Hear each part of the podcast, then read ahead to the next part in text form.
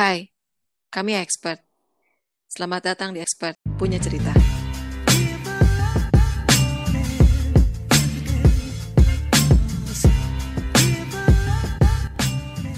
Halo semuanya, kembali lagi sama Expert Podcast. Uh, di sini ada Dias, Wino, dan Komang. Halo, halo. Halo guys. Halo, Yas. Halo, gimana kabarnya? Kita udah lama nggak ketemu ya, iya. Udah hampir dua bulan lebih ya. Iya dua bulan lebih. Saya sebenarnya sih nggak apa-apa sih, lebih baik nggak ketemu kalian ya sebenarnya. Tapi ya demi menyenangkan telinga-telinga pendengar expert, ya kita harus Bersambung. Menungguin ya, nungguin ya. Ah, kita harus ah, menyediakan bahan omongan lah paling nggak, supaya mereka itu tidak mendengarkan op- omongan julid netizen aja gitu. Mm-mm. Oke, kali ini kita membahas tentang kecemasan ya. Biasa banget sih sebenarnya bahasannya, kecemasan. Semua orang pasti punya kecemasan. Tapi kah, Oh iya. apakah setiap orang menyadari kecemasan itu sendiri? Nah, itu dia. Betul juga. Soalnya kadang Apakah orang-orang itu apa ya? Gak ini loh, gak apa? Hmm. Kecemasan sendiri aja kadang bingung kan bedainnya. Ah, tahu. cemasan atau khawatir Apakah atau gimana. Nah, apa bang? Kecemasannya sebenarnya apa bang? Ini kecemasan atau gangguan kecemasannya ini? Apa aja yang bisa kamu jelaskan, Mang? Soalnya kalau eh, kecemasan itu apa? Eh, gejala apa gejala apa? Gangguan kecemasan secara umum itu dia munculnya rasa cemas ya iyalah munculnya rasa cemas atau khawatir yang berlebihan atau tidak terkendali terhadap berbagai hal ataupun kondisi. Nah, kondisi ini itu akan mengganggu aktivitas kita sehari-hari bagi si penderita kecemasan itu sendiri. Oke. Di Wikipedia itu ada, yang- mungkin bisa contoh. Itu yang gangguan. Ya, kecemasan. itu gangguan kecemasan secara umumnya sih. Nah, cuman kan biasanya eh, kalau secara apa ya, secara literasi yang ditemukan yang biasanya paling sering mengalami gangguan kecemasan itu adalah orang-orang yang berusia lebih dari 30 atau orang-orang dewasa gitu. Cuman sih ya ya apa ya, ya aku merasanya orang muda pun bisa kena kecemasan gitu. Bisa merasa cemas. Iya. Nah tapi yang kamu sebutin tadi gangguan kecemasan atau Gangguan kecemasan. mereka berdua sama aja. Gangguan kecemasan. Nah kalau kecemasannya sendiri itu kayak gimana? Nah, kecemasan, kecemasan itu sendiri sebenarnya adalah reaksi negatif terhadap suatu hal. Nah, reaksi negatif ini eh, bisa kita merasakan eh, rasa khawatir maupun gelisah terhadap suatu hal atau suatu kejadian. Ya gitu sih. Berarti sebenarnya kalau gangguan kecemasan sama kecemasan sendiri hal yang paling eh yang gimana? Kalau tingkat tinggi-tinggian, maksudnya tingkat keparahannya itu lebih parah yang kecemasannya atau yang Jelas gangguan kan. Kalau kecemasan kan masih taraf apa ya? Masih awal muncul reaksi. Tapi ketika ada gangguan kecemasan, dia akan mendapatkan ekstra apa tingkatan itu lebih gitu loh. Oke. Oke, jadi kalau kecemasan itu setiap orang pasti akan merasakan itu, tapi kalau gangguan kecemasan belum tentu semua orang mendapat eh, punya gangguan. Iya, tingkatannya itu berbeda gitu loh. Karena kalau gangguan kecemasan sendiri tadi kalau yang kamu bilang kan benar-benar kawa- eh, cemas secara berlebih terhadap suatu hal gitu ya. Bahkan itu hal yang normal pun mereka tetap Hmm. cemas gitu ya. Karena kalau menurutku pribadi sih orang merasa cemas itu adalah hal yang wajar ya kalau orang cemas itu. Justru kalau Berarti nggak apa-apa ya cemas itu, Bro? justru kalau menurutku itu wajar. Kenapa? Kalau kalau orang itu dia tidak merasa cemas akan suatu hal, itu kayak apa ya? Kayak robot gitu loh. Jadi dia nggak ada respon apa pun. Kalau ada suatu hal yang menakutkan ya dia biasa aja. Jadi kayak Oh. perasaannya itu nggak nggak Hmm. nggak tergerak sama sekali ya kayak robot. Tapi cemas yang baik itu apakah cuma karena biar nggak dibilang robot gitu aja? Kalau bukannya biar nggak dibilang robot, kita milih gambar ya. Gimana gimana? Gimana? Kok milih gambar? Iya. Itu lo kapca, itu lo kapca, kapca.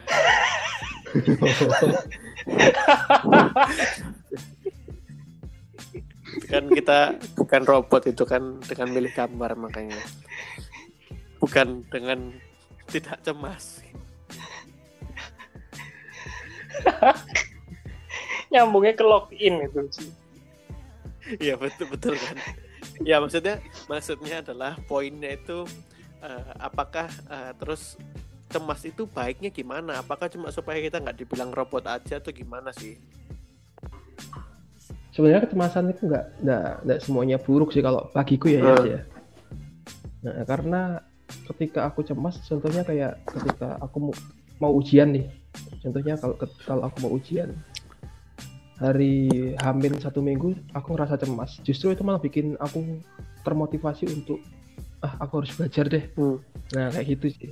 Jadi di sisi lain kecemasan itu kayak pengingat dan juga bikin motivasi biar oke aku pengen belajar agar ujianku besok bisa lancar kayak gitu. Itu kalau aku Hmm. sendiri ya. Hmm. Nah kalau selain itu misalnya contoh gampangnya untuk saat ini ya, eh, sekarang Iya. kan lagi pandemi COVID itu. Nah orang-orang kalau cemas terhadap COVID, Hmm. otomatis kan dia memiliki rasa takut untuk terinfeksi COVID kan. Jadi orang cemas itu dia bisa Hmm. jadi alarm atau peringatan. Eh, misalkan mengingatkan dia untuk selalu cuci tangan, jaga kebersihan, itu bi- bisa apa? Itu bisa jadi dampak dari kecemasannya dia gitu loh. Jadi itu membantu dia. Jadi perilakunya dia mak- Mm, jadi ke arah menjaga kebersihan karena dia mencemaskan nanti bisa terinfeksi COVID. Gitu sih. Hmm. Jadi ada ada apa? Ada keuntungannya juga sih. Jadi kayak gitu sih. Jadi positifnya kecemasan bisa bikin kita mengingat hal-hal yang Mungkin kayak gini ya. apa ya, yang penting. Mungkin kayak gini nggak sih? Mungkin tuh kayak gini loh. Tiga kali. Iya gimana? Tiga kali. Cemas itu eh, kita harus mengenali kecemasan diri kita sih. Kalau menurutku ya. Eh, kayak kita itu ngerti cemas kita itu eh, seberapa me- seberapa meresahkan untuk aktivitas kita ya. Misal Mhm. aku juga nggak bisa bilang apakah cemas ini baik atau buruk, good or bad gitu loh, evil or not gitu. Jadi menurut aku sih kecemasan itu penting dimiliki pada tempatnya, pada momennya dengan dikontrol sama pengendalian diri kita sendiri. Mm-mm. yang mana uh, misal di kondisi ya di kondisi kita ini uh, dihadapin pekerjaan yang tahu-tahu berubah strategi berubah kondisi kita harus secepat mungkin harus mengubah yang namanya uh, uh, strategi pekerjaan untuk mencapai target kita ya kan tanpa ada kecemasan dengan waktu yang sesingkat mungkin perilaku kita bisa menjadi perilaku yang eh, adaptasinya itu lama mungkin. Kayak misalnya akhirnya kita oh oh ya aku karena mengabaikan. kita aku nggak bisa diburu-buru orangnya. Aku harus kerjanya itu harus tenang santai eh, supaya hasilku bagus menurut beberapa orang seperti itu yang sebenarnya karena dia itu tidak mau eh, tidak apa ya tidak mau dihinggapi kecemasan. Akhirnya ya adaptasinya itu menjadi lama. Padahal waktu Hmm. pekerjaan itu ada menuntut kita punya adaptasi yang cepat gitu loh. Karena in case ya in case kayak gitu. Tapi uh, sebaliknya di kondisi yang sama ketika kita punya kecemasan tapi kecemasan kita ini sangat meresahkan pada akhirnya. Kita kupuh dengan kondisi oh aku harus berubah ini harus kayak gimana dan lain-lain. Takutnya kayak gini takutnya begitu.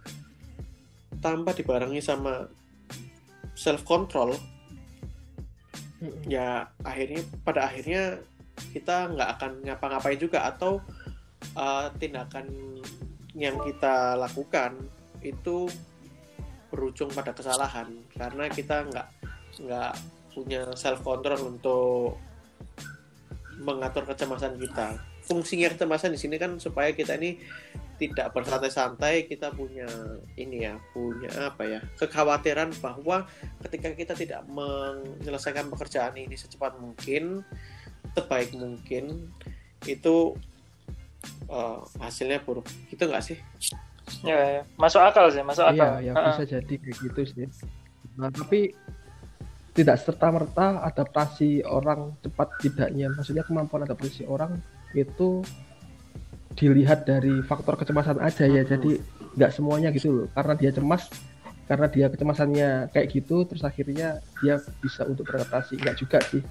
Tapi mungkin salah satu faktor orang bisa beradaptasi ya dengan cara kecemasan. Salah satunya kayak aku tadi ya, ketika aku cemas aku bisa untuk melakukan eh, apa belajar belajar untuk ujianku. Jadi kan itu salah satu adaptasiku untuk ujian kan. Ha-ha. iya iya Gitu. Oke, ya wis. Eh, terus gimana Dul Mang? Siapa Yohanes? Menurut kalian kecemasan Hmm. di masa pandemi ini meresahkan nggak sih? Nah, nah itu itu yang jadi pertanyaan sebenarnya. Kalau di Indonesia sendiri itu Oh, iya. selama pandemi gini dia banyak yang merasa cemas atau gimana sih sebenarnya? Kok aku bingung ya. Soalnya ya dari beberapa orang yang aku lihat di ini kan media-media juga ba- masih banyak juga kan yang keluar-keluar tuh keluar rumah. Kalau Hmm. kalau aku mau mau jelasin gini, ini cemasnya apa dulu? Cemas Hmm. cemas dari masalah kesehatan atau cemas dari keberlangsungan hidup, Mas Dias? Uh, keuangan Apa pun. atau apa? Apa pun sih. Nah ya berarti kayak berarti anu Kalau Ya, kadang juga lah. ini sih kadang mereka yang cemas itu biasanya pertama itu kalau mereka kerja ngerantau benar-benar tulang punggung. Oh itu ini dari beberapa interview yang aku lakuin ya. Itu ke ke teman-teman yang dirumahkan itu beda-beda. Ada yang masih ya biasa aja di di anu lah Pak. Ya, masalah aku tanya gimana perasaanmu ini ya biasa kayak anu Pak cuman ya bedanya sekarang udah nggak kerja kayak gitu. Nah kalau sama anak yang tulang punggung, maksudnya eh, yang dia yang di keluarga itu dia yang kerja, sama dia anak yang tinggalnya jauh dia cari nafkah. Nah itu rasa cemasnya itu tinggi. Dia itu merasa kadang emosi nggak terkontrol, terus dia takut besok ini kalau nggak segera pulih keadaan itu dia pul nggak bisa pulang. Selain nggak bisa pulang karena PSBB ya nggak bisa pulang karena nggak ada biaya ada kayak dan segala macamnya kayak gitu toh. Nah itu lebih berkaitan ke mereka yang kayak gitu. Tapi kalau mereka yang hidup masih masih ya masih dikatakan beruntung lah ya. Masih masih ada orang tua masih ada kakak nggak ada orang tua tapi punya kakak atau mas yang kerja masih yang masih oke gitu masih rasa cemasnya itu kadang mereka ya oh, ya ada yang cemas tapi ya cemasnya nggak seperti ter- tertekan seperti mereka mereka yang kayak gitu iyalah sekarang masa kayak gini tuh jujur aja ya siapa yang mau kita Hmm. salahkan tuh nggak ada nggak ada yang patut bisa disalahkan menurutku Mm-mm. Hmm. Benar, benar. karena kan nggak munafik lah sekarang aku nggak tahu ya di belahan dunia lainnya. Cuma setahuku di negeriku Indonesia ini banyak orang yang buntut dari kecemasan itu adalah menyalahkan berbagai pihak gitu ya. Kalau di media sosial uh, lagi ada rame-rame kumpul atau itu mereka disalahkan. Kemudian uh, padahal mereka setelah membaca berita itu mereka ngerti oh saudaraku juga ikut di sana gitu loh. Mereka paham maksudku ya Iya, iya. Paham. aku Iya, sendiri nggak paham maksudku coba jelaskan ke aku maksudku tadi apa Iya. jadi jadi Iya. maksudnya ya itulah uh, di per- kalau kita melihat dari berbagai sudut pandang itu semua itu pasti bisa disalahkan gitu. kita sangat bisa menyalahkan orang lain tapi kalau menurutku pribadi sekarang setelah aku merasakan uh, mencoba untuk merasakan berbagai sudut pandang. Pada akhirnya menyalahkan yang lain tuh nggak ada efek apa pun pada akhirnya. Eh, kita lihat ya bulan lalu kita tuh rame-rame menyalahkan eh, orang-orang yang masih kumpul-kumpul masih kerja. Bulan ini ayo kita mau menyalahkan mereka. Kalau kita mau menyalahkan mereka mereka nggak kerja besok mereka nggak makan loh ya maksudku ya itu buntut dari kecemasan itu sendiri gitu loh output dari kecemasan itu kayak gitu menurut aku sih Iya sih. Nah, cuman kan kalau dari apa ya? Kalau dari ceritamu tadi kan yaitu orang-orang yang memang eh, bekerja kan dia kalau bekerja kan ya pasti mau nggak mau kan keluar nah cuman kan ada beberapa pihak yang apa ya, ya, ya masih keluyuran tapi dia apa tapi mereka itu ya sebenarnya nggak ada keperluan gitu loh bukan bekerja Hmm. tapi ya tetap kayak cangkruk gitu loh ya. Kayak kumpul-kumpul makan juga masih di tempat apa ya aku lihat juga masih di tempat makan itu sendiri. Padahal di tempat penjualan makanan itu kan juga sudah dikasih tulisan kan bahwa mereka cuma melayani drive thru apa bawa bawa pulang gitu loh makannya. Bukan makan di tempat kayak gitu loh. Cuman ya masih ada masih ada aja orang-orang yang tetap ngotot untuk makan di tempat atau kumpul-kumpul kayak cangkruk gitu. Gitu ya. Hah? Pangku-pangkuan siapa pangku gitu? Ya, kalau Hmm. ibu sama anaknya Oh iya, iya. dipangku, masih kecil gimana? Benar, benar. Mikirnya apa nih? Jangan mikir yang aneh-aneh. Nah, kayak gitu sih. Iya. Cuman apa ya? Ya kalau kalau aku lihat sendiri datanya ini eh, itu apa ya, kayak Hmm. lembaga survei Perhimpunan Hmm. Dokter Spesialis Kedokteran Jiwa Indonesia itu dia melakukan survei terhadap 1.522 orang. Nah, dari 1.522 orang responden ini sebanyak 64,3 persen mengalami masalah kecemasan terhadap pandemi COVID itu. Itu kalau dihitung kita sekitar sekitar 900 Nah, an kalau tak hitung. 4,3. Nah, cuman apa ya? Di sini kan dia tidak apa ya?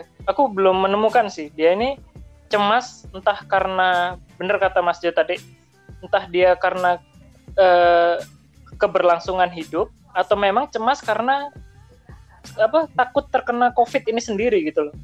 Karena di sini juga aku nggak menemukan sih. Dia dijelaskannya yang kecemasan dari faktor yang mana.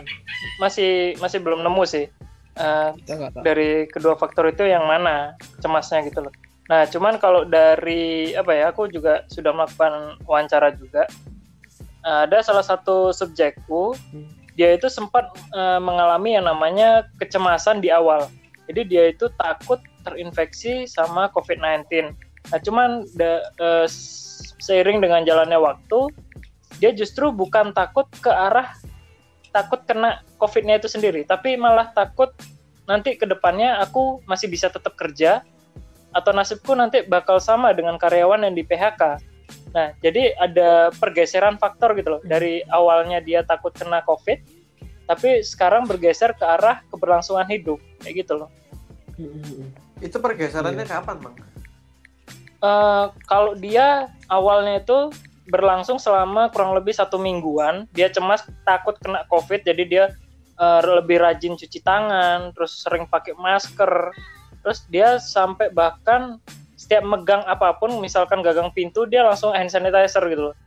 Sampai dia eh, tangannya itu karena sering hand sanitizer itu sampai keriput gitu loh, kena alkohol kan, Hmm. sampai ngelumpas. Hmm. Nah, nah setelah itu Terus? dia ya jadi biasa aja gitu jadi kayak ya aku udah satu minggu kayak gini nggak nggak kenapa kenapa gitu loh berarti kan ya nggak mungkin aku kena covid kayak gitu loh pikirannya dia nah kemudian di hari-hari Hmm. berikutnya kan ada isu yang sangat kenceng itu PHK massal kan PHK besar-besaran kan nah di situ dia mulai cemas lagi Hmm. cemas dampak COVID ini nanti apa aku tetap kerja di sini atau bisa jadi aku yang jadi korban PHK selanjutnya gitu loh. Sampai sekarang pun dia masih eh, merasakan yang namanya kecemasan itu sendiri sih. Cemas eh, kena PHK heeh. jadinya. Ya sama sih. Eh, aku juga ngerasain hal yang sama meskipun kan tadi kalau katanya Ju eh, dilihat dari sisi orang Mhm. yang bekerja ya. Kali ini kalau aku sendiri kan masih belum bekerja sih, Hmm. Mak. Dan masih kuliah kebetulan kan. Eh, aku sama beberapa teman-temanku juga ngerasain itu sih kayak ketidakjelasan apa ya. Kayak eh, ketika kamu ada di ruang dan bertemu dosen itu kan kamu kayak ngerasain oh iya aku kayak eh, ketika bimbingan harus kayak gini gini gini gini dikasih tahu dengan jelas. Nah kalau sekarang kan jarang ketemu semua bimbingan dilakukan lewat online dan lain-lain. Akhirnya kan eh, kayak nggak jelas gitu loh cemas tugasku ini akan selesai kapan ya? COVID ini akan selesai kapan ya? Karena COVID ini menghambat banget kayak gitu. Jadi awalnya kita takut ke COVID-nya tapi lama-lama kita takut karena tugas-tugas kita nggak kelar-kelar. Efek dari covid ini kan semua ditutup Mhm. kan kayak gitu Jadi, eh, termasuk termasuk eh, kampus lingkungan kampus juga ya. jadi akhirnya cemas kita berpindah bergeser ke hal lain bukan ke covid ya bahkan beberapa dari kita kayak nekat gitu akhirnya ya udah kita ketemu aja sama dosennya langsung ke, ke rumahnya daripada kita nunggu-nunggu Mhm. Ya, kayak gitu mungkin itu juga dirasakan oleh teman-teman yang lainnya yang di Iya. udah dikasih tahu jangan tapi tetap aja mudik karena mereka kayak kepepet gitu nggak tahu Hmm. aku harus kayak gimana ya kayak di sini aku makan apa Hmm. dan lain-lain gitu kan Nah, aku sih merasanya apa ya? Kalau aku pribadi, aku kan tipe orang yang apa ya? Overthink gitu loh. Kalau ada masalah kayak gini pasti aku mikirnya eh, nemen gitu loh. Mikir sampai apa ya? Kayak ya takut aku kena COVID, takut keluargaku nanti kesehatannya gimana. Nah, ter- terus Hmm. terang aja kalau aku awal-awal ada COVID ini di Indonesia, itu aku sempat merasakan yang namanya kecemasan berlebihan sampai-sampai eh, aku kalau di psikologi itu bisa dibilang psikosomatis gitu. Sebenarnya bukan bukan Hmm. cuman saat COVID ini aja. Aku kena psikosomatis dulu juga pernah kena psikosomatis. Nah, sekedar info aja, psikosomatis itu eh, sebuah kondisi yang menyebabkan rasa sakit dan masalah pada fungsi tubuh. Walaupun tidak ditemukan kelainan pada pemeriksaan fisik. Jadi kalau kita merasakan sesuatu, misalkan ya, misalkan aku merasakan ya linu, Lino terus aku ke dokter ngecek, ternyata dokter bilang, oh kamu nggak kenapa-kenapa kok. Nah itu bisa jadi adalah salah satu eh, gangguan dari psikosomatis. Jadi pikiran kita menyebabkan kita menjadi sakit fisik gitu loh. benar Hmm. Ya, jadi kayak contohnya ketika berita di luar gejala-gejala covid itu kayak gini gini gini akhirnya kita Iya. nyampe ngomongin juga ketika kita batuk dikit aduh jangan-jangan kita ini ya Heeh. kita ngerasain pusing juga Ya benar. kayak gitu sih Nah itu sebenarnya jadi apa ya kayak jadi masalah juga sih sebenarnya. Masalah bagi tenaga medis sih sebenarnya. Ketika kita sebenarnya sehat tapi kita mikir terkait COVID yang terlalu berlebih sehingga membuat kita cemas. Jadi kita merasa wah kita jangan-jangan kena COVID ini. Terus akhirnya kita ke dokter yang yang yang kita tahu sendiri kan tenaga medis juga lagi sibuk-sibuknya juga kan ngurusin COVID ini kan. tapi nggak tahu ya kalau aku sih ngerasainnya ketika aku udah nge- nge- ngerasa sakit terus ke dokter aku kayak punya pilihan kayak gini At- eh, kalau nanti seumpama aku nggak sakit sebelum dari dokter tapi aku sakit dan terjangkit ketika setelah dari dokter dan dari rumah sakit itu kan makin kayak Mhm. gambling gitu loh takutnya malah kena gitu Iya. Heeh. Eh, takutnya malah kena di sana ternyata yang nggak rasain di rumah itu belum tapi ketika kayak bingung gitu loh bikin kita oke bingung harusnya sendiri. kita eh, harus melakukan apa kalau kayak gini nih maksudnya ya udah jelas lah ya kayak efeknya kayak gimana terus kita Hmm. harus ngelakuin apa gitu loh supaya nggak punya kecemasan yang berlebihan ya kalau dia sendiri gimana selama ini saya cemas terus ini. tegang terus kamu. iya lebih ke tegang Hmm. Terus supaya nggak tegang lagi ya gimana gimana saya itu nah kadang tuh keluar ke teras terus eh, senam ala-ala jadi pemanasan gitu kalau Hmm. biasanya sore-sore sih Gimana senammu ya? Mungkin bisa dikasih tahu. Oh, ini ini Iya, audio sih, itu dipaksakan. bukan video. oh bisa bisa tenang bisa bisa teng dong teng teng teng teng. Teng teng dong teng Hmm, kan dadi senam tak kungfu kan. ya ayo guys seriusan guys aku nih udah aduh cemas banget. Aku kayak aku tuh kayak kalau cemas tuh garuk-garuk kepala terus kayak rasanya tuh ketumbe di mana-mana aduh. Belum mandi ya, Aku- kamu. terus aku mikir oh, oh iya ya mandi ya Hmm, gimana gimana? Kalau Jo sendiri sama Komang gimana? Kalau aku, aku dulu ya. Aku aku sih untuk rasa cemasnya ya nggak terlalu maksudnya nggak seberapa sih ya. Soalnya ya mungkin aku gini apa namanya? Ya masih beruntung masih bisa inilah masih bisa kerja. Ya itu cuma supaya nanti aku mikir kalau misalnya aku mikirin aduh aku nanti bakal kena ini enggak ya bakal ini ya yang aku lakuin supaya nggak ngerasa kayak gitu ya aku kerja sebaik mungkin. Maksudnya ya, ya misalnya kan sekarang dikasih kesempatan buat ker- maksudnya mas, masih tetap masuk gitu loh masuk kerja. Masih tetap masuk kerja ya kan? Tetap masuk kerja. Ya aku beker aku kerjanya itu ngelakuin totalitas gitu loh.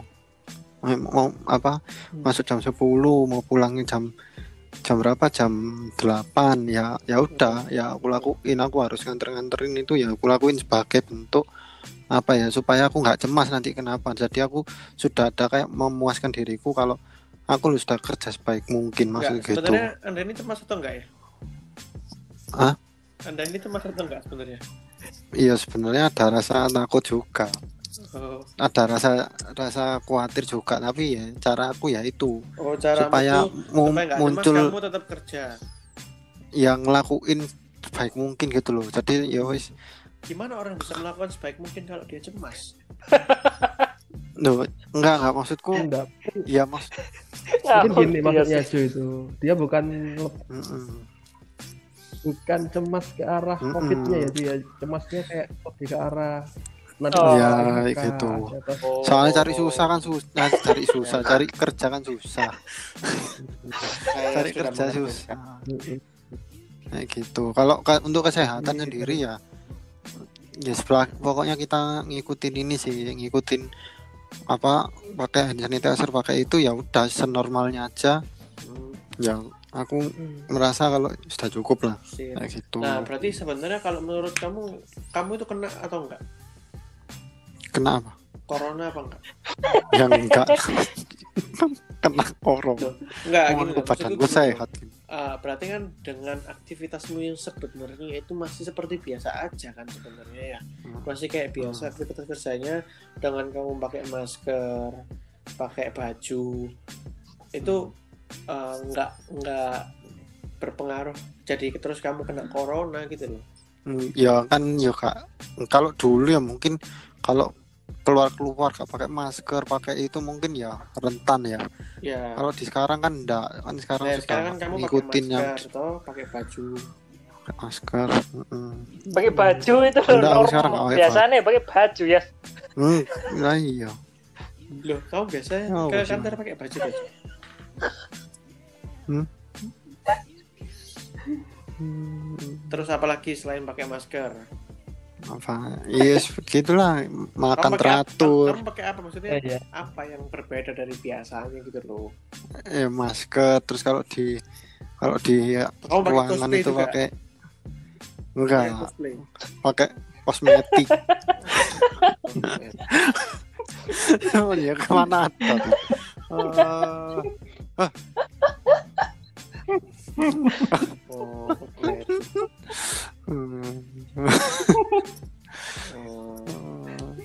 Oriflame atau Viva? Ya. masker masker muka saya salah apa pak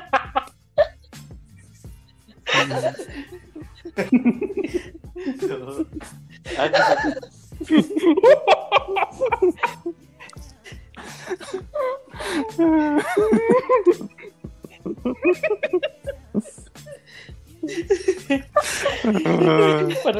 gak aku ketawa gara-gara kamu ketawa bro.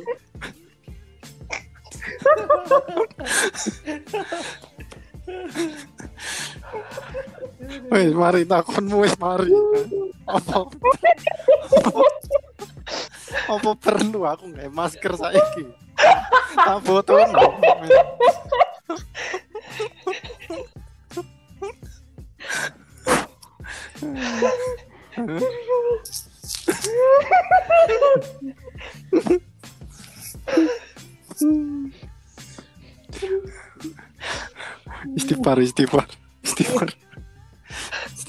bayang no lah pakai masker muka kalau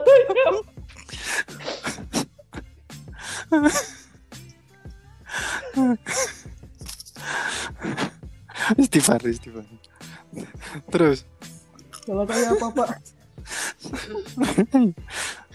Wangi. Tidak kok kosmetik untuk ngomong masker kok. Jadi senengnya arek-arek iki konco ini kena corona.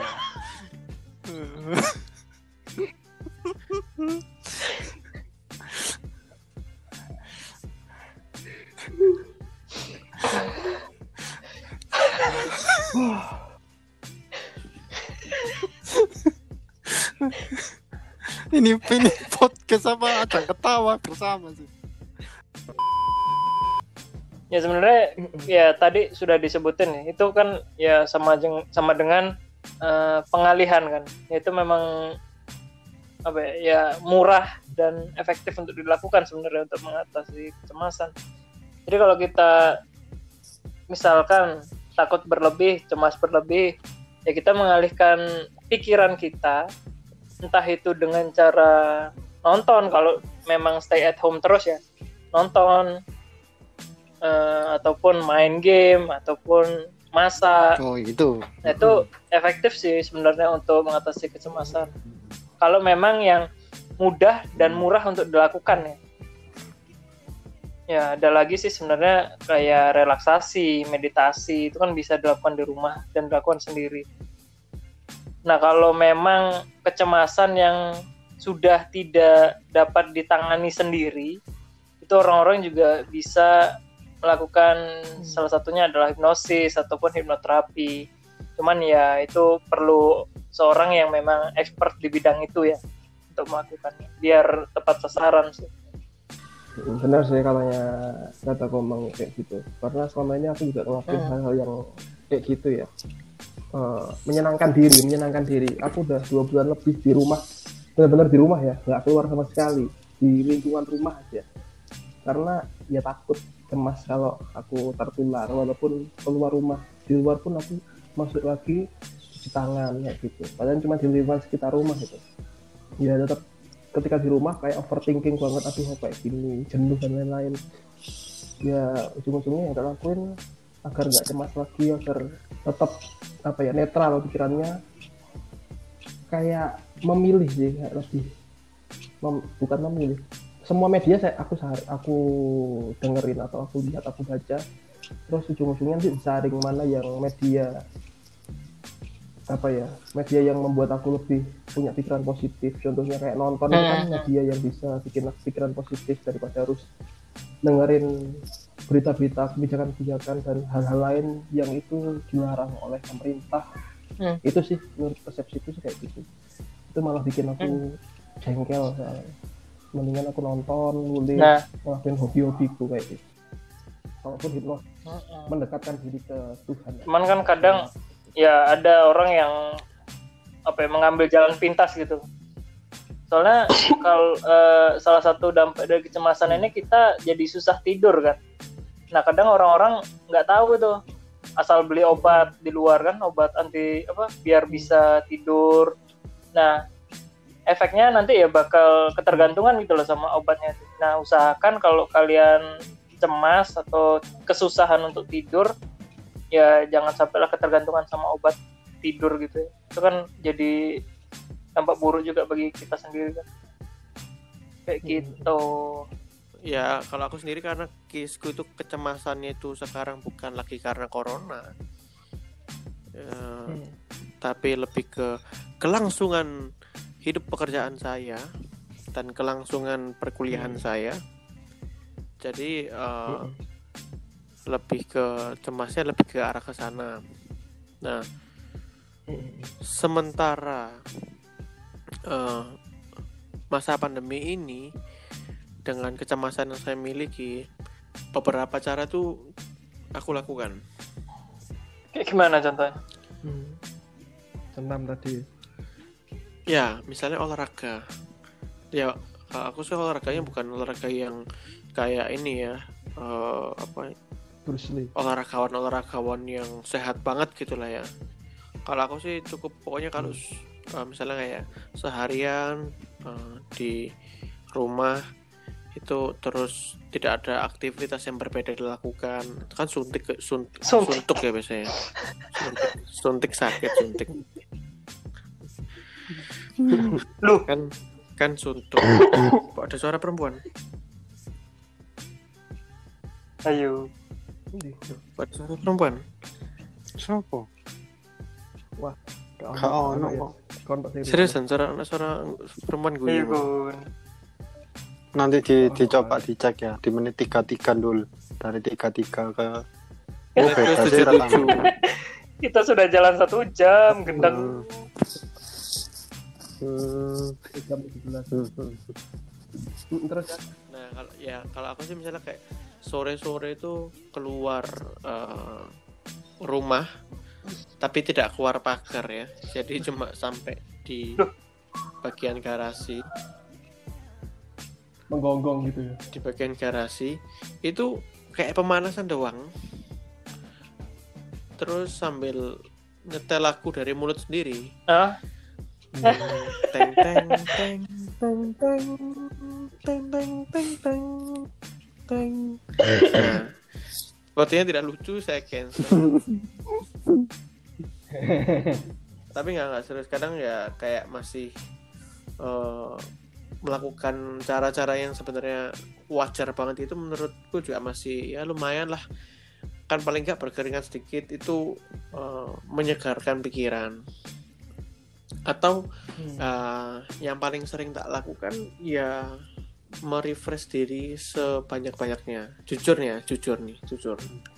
Uh, gara-gara corona. Ini tapi di anu ya, di luar maksudnya uh, kalau tadi kan saya bilangnya cemasnya gara-gara ini ya pekerjaan dan perkuliahan.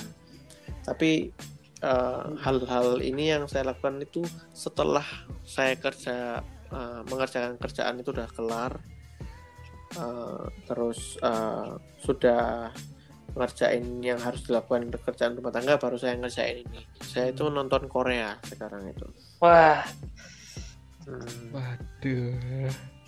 hmm. ampun, ampun, ampun. nonton Korea yang bisa Hmm. membuat nangis Hmm.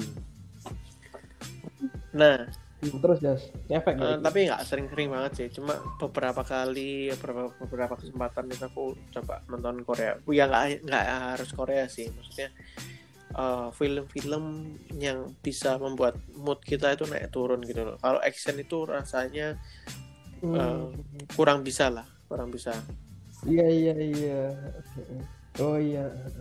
Tapi nggak tahu ya akhir-akhir ini secara refleks aku pun melihat film itu anim, anim sih lebih ke arah ke anim itu lebih ke arah yang juga kayak gitu Heeh. arahnya melo gitu loh. Mel- anim yang melo gitu nggak tahu Heeh. ya, kayak enak banget. gitu. nggak tahu Akhir-akhir ini ya cenderungnya kayak ternyata uh, ini bukan berdasarkan pe- penelitian cuma berdasarkan pengalamanku setelah Hmm. uh, kita itu nonton film yang punya mood swing gitu apalagi kalau kita bisa sampai nangis ya itu tuh perasaan tuh jadi lebih enak gitu loh. Besok besoknya itu jadi kayak fresh nggak tahu kenapa kayak gitu. Bangun itu kayak fresh gitu loh. Tapi ya mungkin nggak setiap hari juga ya nontonnya. Kalau setiap hari nangis nanti malah dipikir kalian sakit gitu loh. Eh, aku setuju banget sama Joe tadi. Jadi kayak selama pandemi ini karena kita kerja di rumah eh, kalau dari kisku sendiri kan pekerjaan berkurang ya itu Mm-mm. bahwa di masa-masa pandemi kayak gini tuh justru kita harus benar-benar eh, meningkatkan kinerja kita. Salah satu hal yang tak ke, anu, tak lakukan itu adalah minta pekerjaan yang maksudnya eh, yang nggak biasa kita lakukan itu kita kerjakan. Eh, tapi ya maksudnya jangan nemen-nemen lah kalau mintanya ya tahu lah batasannya. Se- secara etik itu baga- bagaimana bukan terkesan kalian ini untuk menjilat atasan ya. Tapi tapi lebih uang. ke helpful dari atasanmu atau timmu gitu loh. Kalau memang bisa kita minta pekerjaan lebih itu nggak apa-apa minta aja. Supaya kita kalau memang ada waktu ini ya luang ya kalau memang kalian sudah pekerjaan kalian memang sudah sep- seperti biasa sama aja sama-sama padatnya sih nggak nggak perlu nggak apa-apa kayak gitu Hmm. sih Oke. begitu Oke. Ada lagi, Mang. Yang mau tambahin semuanya? dari aku ya kalau aku mungkin yang terakhir aja pesan-pesannya mungkin Pesan-pesan. yang kurang lebih ya kalau di rumah daripada kita uh, apa ya daripada kita takut anu kita ya cari pe- pelarian ya, kayak misalnya main atau nonton kayak gitu nonton film atau main game kayak gitu. Itu lumayan lah bisa mengurangi itu. Terus kalau misalnya masih kerja ya udah lakuin aja. Maksudnya lakuin kerjaanmu yang yang kamu lak yang kamu lakuin. Misalnya dipotong kalau aku dipotong kan 15 hari toh kerja ya 15 hari itu waktu yang masuk masuk wis. Masuk wis fokus di situ kantor minta apa wis lakuin enggak apa-apa kayak gitu. Hmm, kayak gitulah pokoknya lakuin aja yang terbaik gitu selama ini selagi masa-masa kayak gini. Jangan mas pasti ada nanti misalnya di kerjaan itu kan sudah masa pandemi gini terus tetap ada kayak orang-orang di lingkungan kerja itu ya yang masih resek atau apa. Untuk sekarang jangan baper-baper dulu. Untuk mikir aku resign aku nggak nggak bisa jangan dulu. Karena benar-benar kita harus syukuri itu apa yang kita punya. Misalnya kita masih kerja di satu perusahaan dengan rule-rule yang baru dengan potongan gaji atau potongan THR atau penundaan THR tapi setidaknya kita masih kerja di sana kita dibayar kayak gitu. Kecuali kita kerja sudah dipo- nggak dibayar tapi disuruh kerja itu jangan. Tapi kalau kita ya dengan situasi yang kayak gini dengan ada kebijakan potongan atau apa kita masih dipercaya ya ya kita lakukan dengan baik itu nunjuk eh, memberikan nilai profes ya dalam arti apa ya itu namanya ya loyalitas juga profesionalisme juga begitu Hmm. Nah, aku da- eh, dari nangkep tadi itu ya kembali lagi dengan statementnya Wino sih sebenarnya. Kecemasan semua orang punya, cuman jadi jangan jadikan kecemasan kita itu sebagai hambatan, tapi jadikan kecemasan kita ini sebagai motivasi kita untuk melakukan hal yang lebih baik lagi kayak kayak gitu sih aku tangkapnya. Jadi ya bisa bisa mengalihkan juga sih pikiran itu. Jadi lebih ke arah yang lebih positif. Nah, kalau Itu kalau kan- di tempat kerja kan pasti banyak kan orang-orang yang cemas kan. Nah, bagi pendengar yang pengen tahu gimana sih caranya mengatasi kecemasan di tempat kerja khususnya untuk HRD bisa melakukan apa sih bagi orang-orang yang eh, karyawan yang cemas? Itu sebenarnya apa ya di psikologi sebenarnya ada salah satu teknik itu namanya positive psychology mungkin nanti bisa kita buat part lanjutan ya terkait dengan positive psychology itu apa dan gimana sih caranya menerapkannya. keren keren bridgingnya keren bridging Mungkin juga bisa Iya, lihat benar. di postingan Instagram kita ya, Mang ya. Terus Oke. ada mau ditambahkan lagi? Hmm. Mungkin cukup ya untuk kali ini. cukup Apa ya yang mau cukup lagi? lah Ngobrol di podcast ini Hmm. nanti mengurangin sekali Nah itu terapi tawa kan ini kita jadinya. Iya, Hmm. teman-teman coba aja ngelihat ke kaca, habis itu bilang kalian ganteng, kalian perfect dan kalian digilai banyak wanita. Itu juga membantu betul kecemasan kecemasan keluarga Anda.